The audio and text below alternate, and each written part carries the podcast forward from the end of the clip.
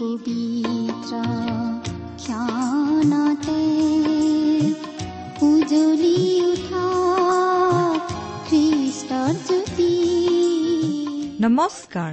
আমাৰ মৰমীয়াল প্ৰভু যীশুৰ মহান নামেৰে আপোনাক এয়া ভক্তিবচন অনুষ্ঠানলৈ আদৰিছো।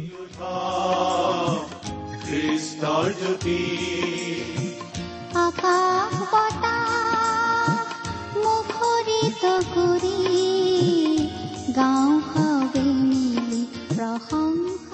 ঈশ্বৰে আপোনাক যি অসীম প্ৰেম কৰিলে তাক যদি অনুভৱ কৰিব বিচাৰে আৰু তেওঁৰ অগম্য বাক্যৰ মৌ মিঠা সোৱাদ ল'ব বিচাৰে তেন্তে আহক আজিৰ ভক্তিবচন অনুষ্ঠানটো মনোযোগেৰে শুনো।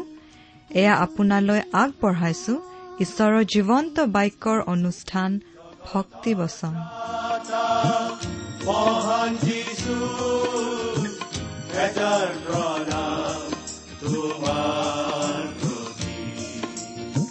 গ্ৰহণ কৰাই ভক্তি বচন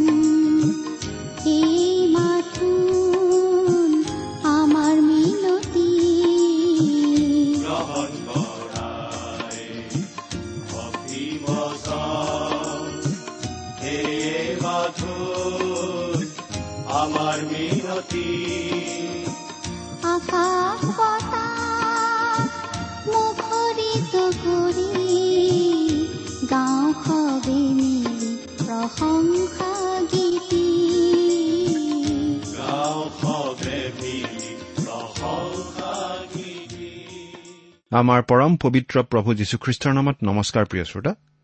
আশা কৰোঁ মহান পিতা পৰমেশ্বৰৰ মহান অনুগ্ৰহত আপুনি ভালে কুশলে আছে। আপুনি বাৰু আমাৰ এই ভক্তিবচন অনুষ্ঠানটো নিয়মিতভাৱে শুনি আছেনে? যদিহে আজি প্ৰথমবাৰৰ বাবে শুনিছে শুনি কেনে পায় আমালৈ চিঠি লিখি জনাবচোন। আৰু যদিহে আপুনি আমাৰ নিয়মীয়া শ্ৰোতা কিন্তু কেতিয়াও আমালৈ চিঠি পত্ৰ লিখা নাই তেনেহ'লে আজি এই দুষাৰিমান লিখি পঠিয়াবচোন। আৰু যদিহে আপুনি আমালৈ মাজে সময়ে চিঠি পত্ৰ লিখি আছে তেনেহ'লে আপোনাক ধন্যবাদ জনাইছো। আমাৰ ঠিকনা ভক্তিবচন টি ডব্লিউ আৰ ইণ্ডিয়া ডাক বাকচ নম্বৰ সাত শূন্য গুৱাহাটী সাত আঠ এক শূন্য শূন্য এক। ভক্তিবচন T W R India post box number seventy Guwahati seven eight one zero' zero' one. আমাৰ website W W W dot radio' eight eight two dot com. প্ৰিয় শ্ৰোতা যদিহে আপুনি আমাৰ এই ভক্তিবচন অনুষ্ঠানটো নিয়মিতভাৱে শুনি আছে তেনেহলে আপুনি নিশ্চয় এই কথা জানে যে আমি আজি কিছুদিন ধৰি বাইবেলৰ পুৰণি নিয়ম খণ্ডৰ মিশা ভাৱবাদীৰ পুস্তক নামৰ পুস্তকখন অধ্যয়ন কৰি আছো। নহয়নে বাৰু? আমি এই পুস্তকখনক চমুকৈ মিশা বুলিয়েই কওঁ। আপুনি আমাৰ যোৱা অনুষ্ঠানটো শুনিছিল নে? আমি বাৰু কি আলোচনা কৰিছিলো? আপোনাৰ হয়তো মনত আছে। যোৱা অনুষ্ঠানত আমি এই মিশা পুস্তকখনৰ চাৰি নম্বৰ অধ্যায়ৰ ছয় নম্বৰ পদৰ পৰা তেৰ নম্বৰ পদলৈকে পঢ়ি আলোচনা আগবঢ়াইছিলো। নহয়নে বাৰু? গতিকে আজিৰ অনুষ্ঠানত আমি এই মিশা পুস্তকখনৰ পাঁচ নম্বৰ অধ্যায়ৰ এক নম্বৰ পদৰ পৰা আমাৰ আলোচনা আগবঢ়াই নিব খুজিছো। এই মিশা পুস্তকখন হৈছে এখন ভাৱবাণীমূলক পুস্তক আৰু ভৱিষ্যতে ঘটিবলগীয়া কথা কিছুমান ইয়াত জনাই দিয়া হৈছে। তাৰে কিছুমান ইতিমধ্যেই ঘটি গ'ল কিছুমান এতিয়াও ঘটিবলৈ বাকী আছে। আহকচোন প্ৰিয় শ্ৰোতা। আমি এতিয়া বাইবেল অধ্যয়নৰ পিনে আগবাঢ়ো কিন্তু তাৰ আগতে ছুটিকৈ প্ৰাৰ্থনা কৰো। স্বৰ্গত থকা অসীম দয়ালু পিতৃ ঈশ্বৰ তোমাৰ মহান নামৰ ধন্যবাদ কৰো। তুমি সৰ্বশক্তিমান সৰ্বব্যাপী সৰ্বজ্ঞানী ঈশ্বৰ হৈও আমাৰ দৰে ক্ষুদ্ৰ মানৱক যে ইমান প্ৰেম কৰা সেই কথা ভাবিলেই আচৰিত হওঁ। তুমি আমাক ইমানেই প্ৰেম কৰিলা যে আমাক পৰিত্ৰাণ দিবলৈ তুমি তোমাৰ একেজাত পুত্ৰ যীশুখ্ৰীষ্টকে আমালৈ দান কৰিলা। তেওঁ আমাৰ সকলো পাপৰ বোজা নিজৰ কান্ধত লৈ আমাৰ হৈ ক্ৰুচত প্ৰাণ দিলে। নিজৰ পবিত্ৰ তেজেৰে আমাৰ পাপৰ প্ৰায়চিত্ৰ কৰিলে। আজি তেওঁত বিশ্বাস কৰি আমি অনন্ত জীৱন লাভ কৰি তোমাক পিতৃ বুলি মাতিব পৰা হৈছো। তাৰ বাবে তোমাক অশেষ ধন্যবাদ পিতা। এতিয়া আমি তোমাৰ মহান বাক্য বাইবেল শাস্ত্ৰ অধ্যয়ন কৰিবলৈ ওলাইছো প্ৰাৰ্থনা কৰিছো। তোমাৰ বাক্য তুমিয়েই আমাক বুজাই দিয়া। এই অনুষ্ঠান শুনি থকা আমাৰ মৰমৰ শ্ৰোতাসকলক তুমি উপচি পৰাকৈ আশীৰ্বাদ কৰা। কিয়নো এই প্ৰাৰ্থনা আমাৰ মহান ত্ৰাণকৰ্তা প্ৰভু যীশুখ্ৰীষ্টৰ নামত আগবঢ়াইছো। আমেন।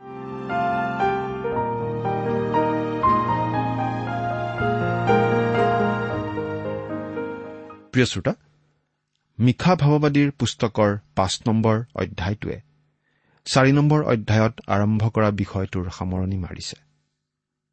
বিষয়টো হৈছে অতীতত কৰা প্ৰতিজ্ঞাৰ বাবে ভৱিষ্যতে আহিবলগীয়া গৌৰৱ। চাৰি নম্বৰ অধ্যায়ত আমি পালো অন্তিমকালৰ বিষয়ে ভাৱবাণী। আৰু এতিয়া আমি পাম খ্ৰীষ্টৰ প্ৰথমটো আগমনৰ বিষয়ে ভাৱবাণী। পাঠ কৰি দিম। পাঁচ নম্বৰ অধ্যায়ৰ এক নম্বৰ পদ। মিশা পাঁচ নম্বৰ অধ্যায় এক নম্বৰ পদ। হে সৈন্যদল স্বৰূপা জীয়াৰী দল দল হৈ গোট খোৱা। শত্ৰুৱে আমাক অৱৰোধ কৰিছে। সিহঁতে ইছৰাইলৰ বিচাৰপতিৰ গালত এডাল দণ্ডেৰে প্ৰহাৰ কৰিব। ইব্ৰী শাস্ত্ৰত এই পদটো চাৰি নম্বৰ অধ্যায়ৰ শেষৰ পদ হিচাপে আছে। আমি ভাবো পদটো তাতহে থকা উচিত ইয়াত নহয়। আৰু চাৰি নম্বৰ অধ্যায়ৰ ন নম্বৰ পদত থকা বাবিলনীয়া বন্দিত্বৰ ভাৱটো ইয়াতো চলি আছে। প্ৰিয় শ্ৰোতা আপোনাৰ নিশ্চয় মনত আছে যে বাবিলনীয়া বন্দিত্বৰ যি ভয়াৱহতা সেই ভয়াৱহতাৰ ভাৱটো মিশা ভাৱবাদীয়ে একেবাৰে ভৱিষ্যতৰ অন্তিম কালৰ সময়লৈকে আগুৱাই নিছে। অৰ্থাৎ ভৱিষ্যতে আহিবলগীয়া সেই মহাক্লেশৰ সময় আৰু আৰ্মাগেডনৰ যুদ্ধৰ সময়লৈকে তেওঁ সেই ভাৱটো আগুৱাই লৈ গৈছে। সেইবিলাক ভৱিষ্যতে ঘটিব। এতিয়া তেওঁ এই পদত আকৌ বাবিলনীয়া বন্দিত্বৰ ভাৱটো সন্মুখলৈ আনিছে। শত্ৰুৱে আমাক অৱৰোধ কৰিছে। আমি ভাবো তেওঁ বাবিলনীয়া সৈন্যই আহি যে জিৰচালেম অৱৰোধ কৰিবহি সেই কথা প্ৰকাশ কৰিছে। এই ঘটনা ইতিমধ্যেই ঘটি গৈছে। সিহঁতে ইছৰাইলৰ বিচাৰপতিৰ গালত এডাল দণ্ডেৰে প্ৰহাৰ কৰিব। কিছুমানে ক'ব খোজে যে ইয়াত বিচাৰপতি মানে প্ৰভু যীশুক বুজোৱা হৈছে। কিন্তু শুভবাৰ্তাত পোৱা বিৱৰণী মতে প্ৰভু যীশুক হাতেৰেহে প্ৰহাৰ কৰা হৈছিল দণ্ডেৰে নহয়। তদুপৰি কোনো অৱৰোধৰ সময়ত খ্ৰীষ্টক প্ৰহাৰ কৰা হোৱা নাছিল। তেওঁক কোনো বিদেশী শত্ৰুৱে নহয় নিজৰ জাতিৰ লোকেহে প্ৰহাৰ কৰিছিল। গতিকে আমি ভাবো প্ৰভু যীশুৰ প্ৰথম আগমনৰ সময়ত তেওঁক যি অপব্যৱহাৰ কৰা হৈছিল সেই কথালৈ ইয়াত আঙুলিওৱা হোৱা নাছিল। আমি ভাবো ইয়াত ইছৰাইলৰ বিচাৰপতি মানে ডায়ুদৰ ৰাজ্যৰ শেষ ৰজা অৰ্থাৎ চিডিকিয়াৰ কথা বুজোৱা হৈছে। দ্বিতীয় ৰাজা বুলি পঁচিছ নম্বৰ অধ্যায়ৰ সাত নম্বৰ পদত আমি পঢ়িবলৈ পাওঁ এনেদৰে। সিহঁতে চিডিকিয়াৰ পুতেকবিলাকক তেওঁৰ চকুৰ আগতে বধ কৰিলে আৰু চিডিকিয়াৰ চকু কাঢ়ি তেওঁক শিকলিৰে বান্ধি বাবিললৈ লৈ গ'ল। আমি ভাবো সেই সময়ত চিডিকিয়াই যি লজ্জাজনক ব্যৱহাৰ পাইছিল সেই বিষয়েই মিশা ভাৱবাদীয়ে ভৱিষ্যৎবাণী কৰিছিল। ইয়াত সেই ঘটনাৰ কথালৈ আঙুলিয়াই দিয়া হৈছে। যি ঘটনাই ডায়ুদৰ ৰাজবংশৰ ৰাজত্বৰ সমাপ্তি ঘটা যেন দেখুৱাইছিল। কিন্তু চিডিকিয়া আচলতে ডায়ুদৰ পোনপটীয়া বংশধৰ নাছিল। আপোনাৰ হয়তো মনত থাকিব পাৰে যে জিহুৱাকিম ৰজাই বাবিলৰ ৰজাৰ বিৰুদ্ধে বিদ্ৰোহ কৰিছিল। তাৰ পাছত বাবিলৰ নবুখতনেশ্বৰ ৰজাই জিহুৱাকিমক বন্দী কৰিছিল। তাৰ পাছত জিহুৱাখিনক ৰজা পতা হৈছিল। পাছত তেওঁকো বন্দী কৰি নিয়া হৈছিল। দ্বিতীয় ৰাজা বুলি চৌব্বিছ নম্বৰ অধ্যায়ৰ পোন্ধৰ নম্বৰ পদত আমি এনেদৰে পঢ়িবলৈ পাওঁ তেওঁ জিহুৱাখিনক বাবিললৈ লৈ গ'ল আৰু তেওঁ ৰাজমাওক ৰজাৰ ভাৰ্যাবিলাকক নপুংসকবিলাকক আৰু দেশৰ প্ৰধান লোকবিলাকক জিৰচালেমৰ পৰা বাবিললৈ বন্দী কৰি লৈ গ'ল। এয়েই আছিল ডায়ুদৰ বংশ। আৰু এই বংশ এনেদৰে বন্দী হৈ যাব লগা হৈছিল। এই বংশৰ পৰা জোচেফ আৰু প্ৰভু যীশুৰ মাতৃ মৰিয়ম দুয়োৰো জন্ম হৈছিল। তাৰ পাছত নবুখত নেচৰে জিহুৱাখিনৰ দদায়েক চিডিকিয়াক ৰজা পাতিলে। যেতিয়া তেওঁ বিদ্ৰোহ কৰিলে তেতিয়া জিৰচালেমত ৰজা পতা বিষয়টো লৈ নবুখত নেচৰৰ বিৰক্তি লাগিল আৰু তেওঁ চিডিকিয়াক বন্দী কৰি তেওঁৰ চকুৰ আগতে দুয়ো পুত্ৰক বধ কৰি তেওঁক বন্দী কৰি লৈ গ'ল। এই ভয়ংকৰ ঘটনাৱলী পঢ়ি আপুনি হয়তো ভাবিব পাৰে যে ডায়ুদৰ ৰাজবংশৰ অন্ত পৰিল আৰু ডায়ুদৰ বংশৰ কোনোবা এজনে চিৰদিন ধৰি ৰাজত্ব কৰিব বুলি ঈশ্বৰে ডায়ুদৰ আগত যি প্ৰতিজ্ঞা কৰিছিল সেই প্ৰতিজ্ঞা কেতিয়াও নফলিয়ায়। ইয়াৰ পাছতেই আমি অতি গুৰুত্বপূৰ্ণ পদ এটা পাওঁ। আৰু এই পদটোৱে ইমান সময়ে আমি বিবেচনা কৰি থকা বিষয়ৰ বিপৰীত কথা এটা আমাক জনায়। এতিয়া আমি যিটো পদ পাম সেইটো বৰদিনৰ ঘটনাৰ এটা পদ। যদি আপুনি ডিচেম্বৰ মাহত এই পদ পঢ়া নাই তেনেহলে আপোনাৰ এনেকুৱা লাগিব যে আপুনি সময় বাছি লওঁতে ভুলহে হ'ল। কিন্তু আমি প্ৰায় নিশ্চিতভাৱে ক'ব পাৰোঁ যে যীশু ডিচেম্বৰ মাহৰ পঁচিছ তাৰিখে জন্ম নাছিল। তেওঁৰ জন্ম শীতকালৰ লগত মিলাবৰ বাবেহে সেই দিনটো বাছি লোৱা হৈছে। কিন্তু খুব সম্ভৱ তেওঁৰ জন্ম বসন্তকালত হৈছিল। কাৰণ ডিচেম্বৰ মাহত ভেড়াৰখীয়াবিলাকে ভেড়া চৰাবলৈ মুকলি পাহাৰলৈ নাযায়। ভেড়াবোৰ চাৰিওপিনে থকা গুহাতহে নিৰাপদে ৰখা হয় সেই সময়ত। পাঁচশ বত্ৰিশ চন মানত এখন কেলেণ্ডাৰ প্ৰস্তুত কৰা হৈছিল। আজিকালি আমি ব্যৱহাৰ কৰাখনৰ নিচিনাই। বছৰত মুঠতে কিমান দিন হ'ব লাগে সেইটো ভুলকৈ ধৰি এইখন নিৰ্ণয় কৰা হৈছিল। কাৰণ আমি চাৰি বছৰৰ মূৰে মূৰে লিপ ইয়াৰ ধৰো। তিনিশ ছয়ষষ্ঠি দিনত এবছৰ ধৰো। সোতৰশ বাৱন্ন চনত কেলেণ্ডাৰখন এঘাৰ দিন আগবঢ়াই দিয়া হ'ল। গতিকে প্ৰভু যীশু পঁচিছ ডিচেম্বৰতেই জন্ম বুলি খাটাংকৈ আমি কোনেও ক'ব নোৱাৰো। বাকী সকলোবোৰ কথা খাপ খাই পৰিলেও এই কথাটোৱে বিশ্ৰামবাৰ পালনৰ কথাটোতো প্ৰশ্ন তোলে। কোনটো দিন আচলতে বিশ্ৰামবাৰ? গতিকে আচলতে দিনটো আমাৰ বাবে গুৰুত্বপূৰ্ণ প্ৰশ্ন নহয়। যীশুৰ জন্মৰ সঠিক দিনটো আমাৰ বাবে গুৰুত্বপূৰ্ণ নহয়। বছৰৰ কোন সময়ত তেওঁ জন্মিছিল সেইটোও আমাৰ বাবে গুৰুত্বপূৰ্ণ প্ৰশ্ন নহয়। সকলোতকৈ প্ৰয়োজনীয় বিষয়টো হৈছে তেওঁৰ জন্মস্থান। যীশুৰ জন্ম হৈছিল বৈতলেহেমত। সেইটো ঐতিহাসিক সত্য। এই কথাটো ইতিহাসে সমৰ্থন কৰে। এতিয়া আমি দুই নম্বৰ পদটো পঢ়িম। মিখা পাঁচ নম্বৰ অধ্যায়ৰ দুই নম্বৰ পদ। কিন্তু হে বৈতলেহেম ইফ্ৰাথা জিহুদাৰ গোষ্ঠীবোৰৰ মাজত গণ্য হবলৈ অতি ক্ষুদ্ৰ যি তুমি তোমাৰ পৰা ইছৰাইলত অধিপতি হবলৈ মোৰ উদ্দেশ্যে এজনা উৎপন্ন হ'ব। পূৰ্বকালৰ পৰা অনাদিকালৰে পৰা তেওঁৰ উৎপত্তি। কিন্তু এটা সৰু শব্দ। কিন্তু এই মুদ্ৰাটোৰ আনটো পিঠি দেখুৱায়। কিন্তু হে বৈতলেহেম চিডিকিয়া আৰু ডায়ুদৰ বংশৰ প্ৰতি যি ঘটিল তেওঁলোক বাবিল দেশলৈ বন্দী হৈ গ'ল আৰু পাছত সাধাৰণ খেতিয়ক হিচাপে উভতি আহিল। কিন্তু সেই ডায়ুদৰ বংশত এজনা আহি আছে।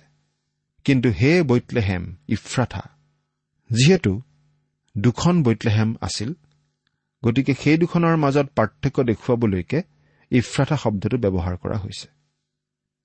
ইফ্ৰাথা মানে ফলবান। এনেদৰে যীশুখ্ৰীষ্টৰ জন্মৰ সাতশ বছৰ আগতেই মিশা ভাৱবাদীয়ে যীশুখ্ৰীষ্ট ক'ত জন্মিব? সেইটো ভৱিষ্যৎবাণী কৰি থৈছিল। সাতশ বছৰ পাছত ইমানবিলাক ঘটনা উত্থান পতন আদিৰ পাছত বৈতলেহেমত ডায়ুদৰ বংশত কোনোবা এজন জন্মাৰ সম্ভাৱনা কমেই আছিল। সেইটো সেই সময়ত কল্পনাতীত কথা যে নাছিল কাৰণ তাৰ বাবে পৰিস্থিতি অনুকূল নাছিল। ডায়ুদৰ বংশৰ কোনো লোক বৈতলেহেমত আৰু বাস কৰি থকা নাছিল। তেওঁলোক চাৰিওপিনে সিঁচৰতি হৈ পৰিছিল। তেওঁলোক দেশৰ পৰাই আঁতৰ হৈ গৈছিল। ডায়ুদৰ বংশৰ এটা পৰিয়াল নাচৰতত বাস কৰি আছিল। কিন্তু মিশা ভাৱবাদীৰ ভাৱবাণী অনুসাৰে বৈতলেহেমতহে ঈশপুত্ৰই জন্ম ল'ব লাগিব। আৰু এই ভাৱবাণীৰ ওপৰত ভিত্তি কৰিয়েই অধ্যাপকসকলে পূব দেশৰ পৰা অহা জ্যোতিষী পণ্ডিতসকলক বৈতলেহেমলৈ পঠিয়াই দিছিল। অধ্যাপকসকলে মিশা ভাৱবাদীৰ ভাৱবাণীৰ উদ্ধৃতি দিছিল কাৰণ তেওঁলোকে বিশ্বাস কৰিছিল যে বৈতলেহেমতেই তেওঁৰ জন্ম হ'ব। যদিও সেই সময়তে ভাৱবাণী ফলিয়াব বুলি তেওঁলোকে বিশ্বাস কৰা নাছিল। কি পৰিস্থিতিত গৈ বৈতলেহেমত যীশুৰ জন্ম হৈছিল সেই কথা আমাৰ ইমান চিনাকি যে সেইটো যে চমকপ্ৰদ ঘটনা হৈছিল সেই কথা আমাৰ চকুত নপৰিবই পাৰে। লোকে লিখা শুভবাৰ্তাৰ বিৱৰণীয়ে আমাক অলপ বহলভাৱে কথাখিনি জনায়। আগষ্ট কৈশৰে এটা হুকুম জাৰি কৰা বাবে নাচৰতৰ পৰা মৰিয়েম বৈতলেহেম পালেগৈ। মৰিয়ম উঠি যোৱা সেই সৰু গাধটোৱে আলিবাটত কৰবাত উজুতি খাই পৰা হলে যীশুৰ কিজানি কৰবাত মাজবাটতেই জন্ম হলহেঁতেন। কিন্তু অতি সাৱধানে কথাটো মই ক'ব খোজো। সেই সৰু গাধটোৱেও উজুতি খাব নোৱাৰে।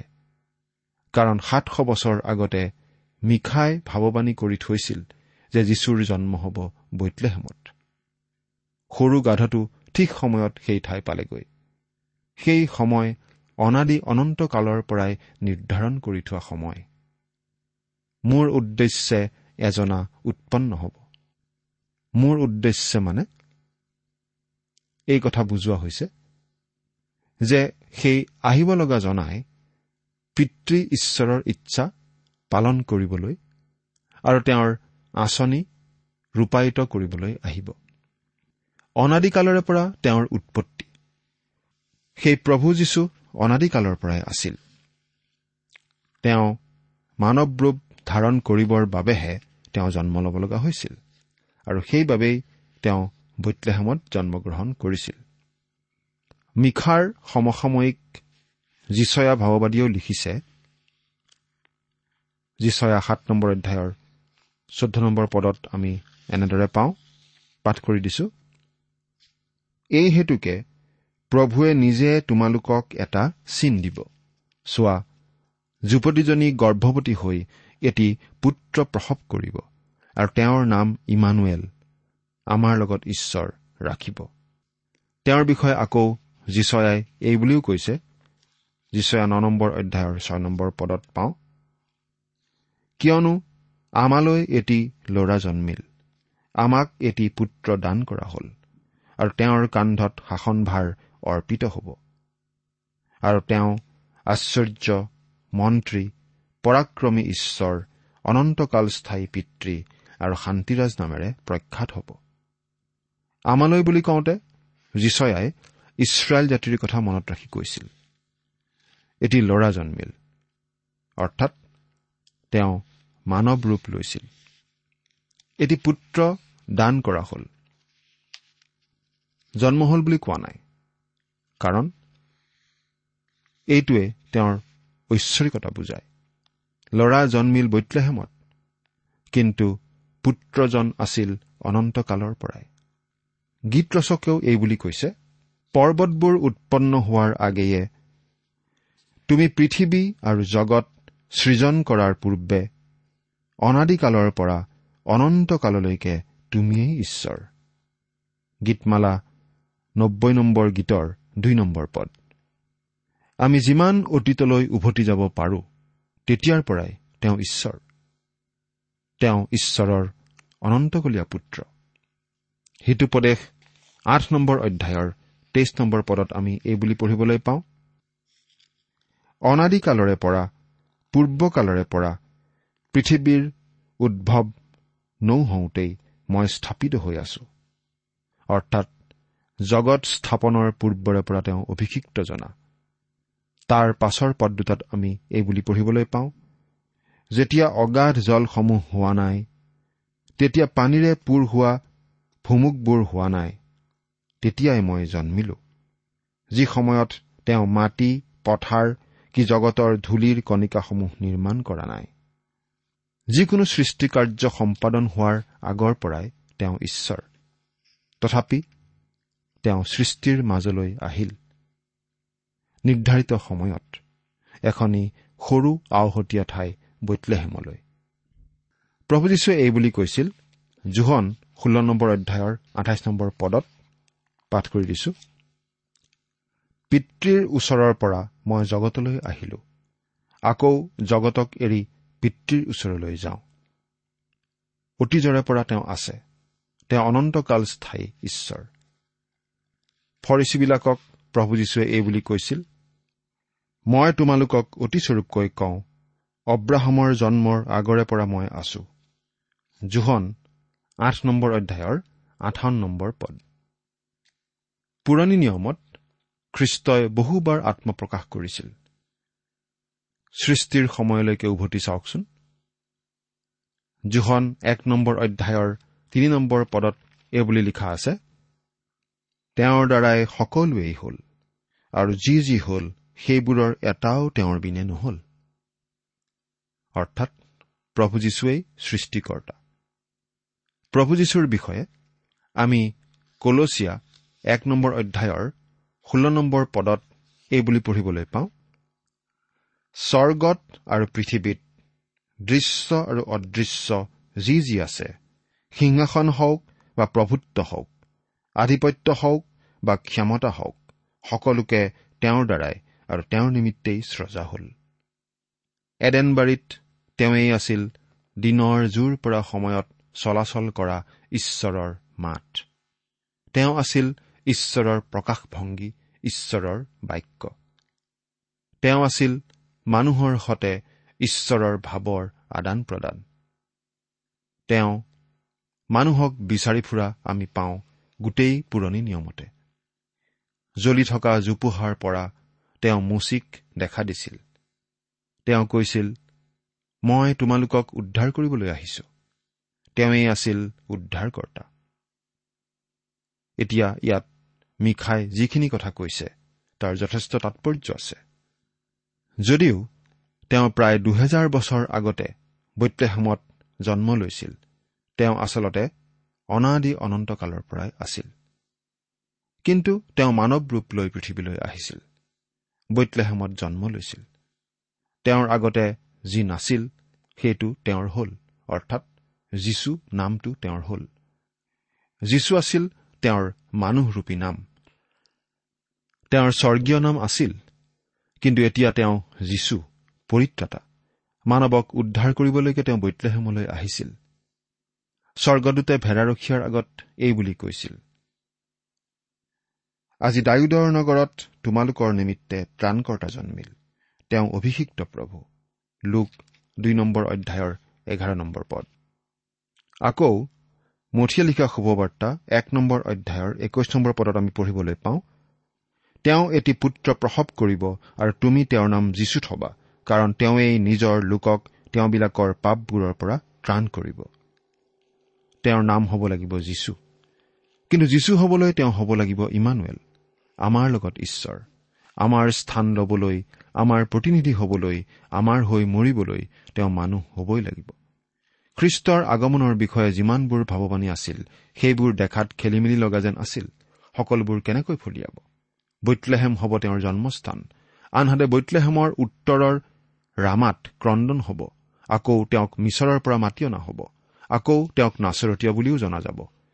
গোটেইকেইটা কথা ফলিয়াবলৈ সম্ভাৱনা নথকাৰ নিচিনা লাগে। কিন্তু সকলোবোৰ ভাৱবাণী ফুদিয়াইছিল আৰু তাৰ বিৱৰণ আমি মুঠিৰ শুভবাৰ্তাত পাওঁ। সকলো কথা স্বাভাৱিকভাৱেই ফলিওৱা যেন আমাৰ লাগে। কিন্তু আচলতে ঈশ্বৰৰ নিয়ন্ত্ৰণ থকা বাবেই তেনেকুৱা হৈছিল। মুঠতে মিশা পাঁচ নম্বৰ অধ্যায়ৰ দুই নম্বৰ পদটো অতি গুৰুত্বপূৰ্ণ পদ তাৎপৰ্যপূৰ্ণ পদ। আজিলৈ ইমানতেই সামৰিছো। পৰৱৰ্তী অনুষ্ঠান শুনিবলৈ যেন নাপাহৰে। ঈশ্বৰে আপোনাক আশীৰ্বাদ কৰক। আমেন।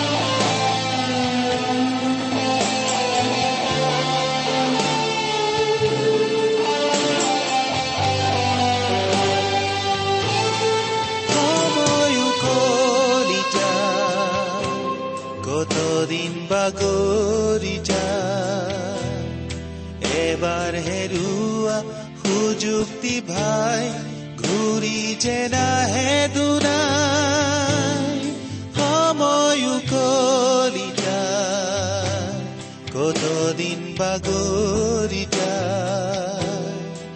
এবাৰ হেৰুৱা সুযুক্তি ভাই ঘূৰি যে নাহে দুনাই। এই যে জীৱন দুদিনীয়া আজি আছে ইমান পৰে আপুনি ভক্তিবচন অনুষ্ঠানটি শুনিলে। এই বিষয়ে আপোনাৰ মতামত জানিবলৈ পালে আমি নথৈ আনন্দিত হ'ম। আমি প্ৰস্তুত কৰা বাইবেল অধ্যয়নৰ আন চিডিসমূহ পাব বিচাৰিলেও আমালৈ লিখক। অনুষ্ঠানটি শুনি কেনে পালে আমালৈ চিঠি লিখি জনাবচোন? অনুষ্ঠানত প্ৰচাৰ কৰা কোনো কথা বুজিব লগা থাকিলেও আমালৈ লিখক। আমাৰ ঠিকনা? ভক্তিবচন ট্ৰান্স ৱৰ্ল্ড ৰেডিঅ' ইণ্ডিয়া ডাক বাকচ নম্বৰ সাত শূন্য গুৱাহাটী সাত আঠ এক শূন্য শূন্য এক। ঠিকনাটো আৰু এবাৰ কৈছো। ভক্তিবচন ট্ৰান্স ৱৰ্ল্ড ৰেডিঅ' ইণ্ডিয়া ডাক বাকচ নম্বৰ সাত শূন্য গুৱাহাটী সাত আঠ এক শূন্য শূন্য এক। আমাৰ ইমেইল এড্ৰেছটো হৈছে Assamese T T B at the rate radio' eight eight two dot com. আমাৰ website W W W dot T W R dot in. আপুনি টেলিফোনৰ মাধ্যমেৰেও আমাক যোগাযোগ কৰিব পাৰে। আমাৰ টেলিফোন নম্বৰটো হৈছে শূন্য তিনি ছয় এক দুই ছয় শূন্য চাৰি ছয় সাত এক। ফোন নম্বৰটো আকৌ এবাৰ কৈছো zero' three six one two six zero' four six seven one আজিৰ অনুষ্ঠানটি ইমানতে সামৰিছো। ঈশ্বৰৰ শান্তি আৰু অনুগ্ৰহ আপোনাৰ লগত থাকক। ধন্যবাদ।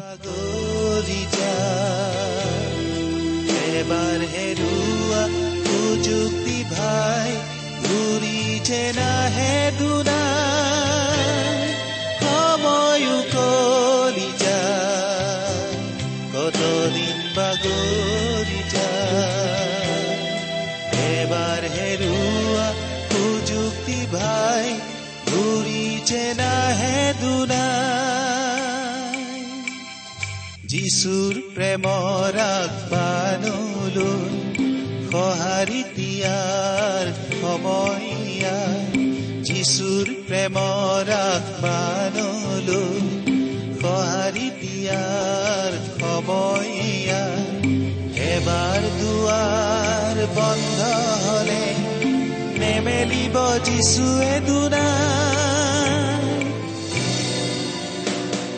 ডাক বিলাস আৰু জাগতিকতা জীৱনৰ ভুক্তিয়াক নুগুচাই লাখ বিলাস আৰু জাগতিকতাই জীৱনৰ ভুক্তিয়াক নুগুচাই প্ৰকৃতি শান্তি যিচুকেহে পায় তেওঁতে আত্মাই চিৰণি পায় সময়ো কলি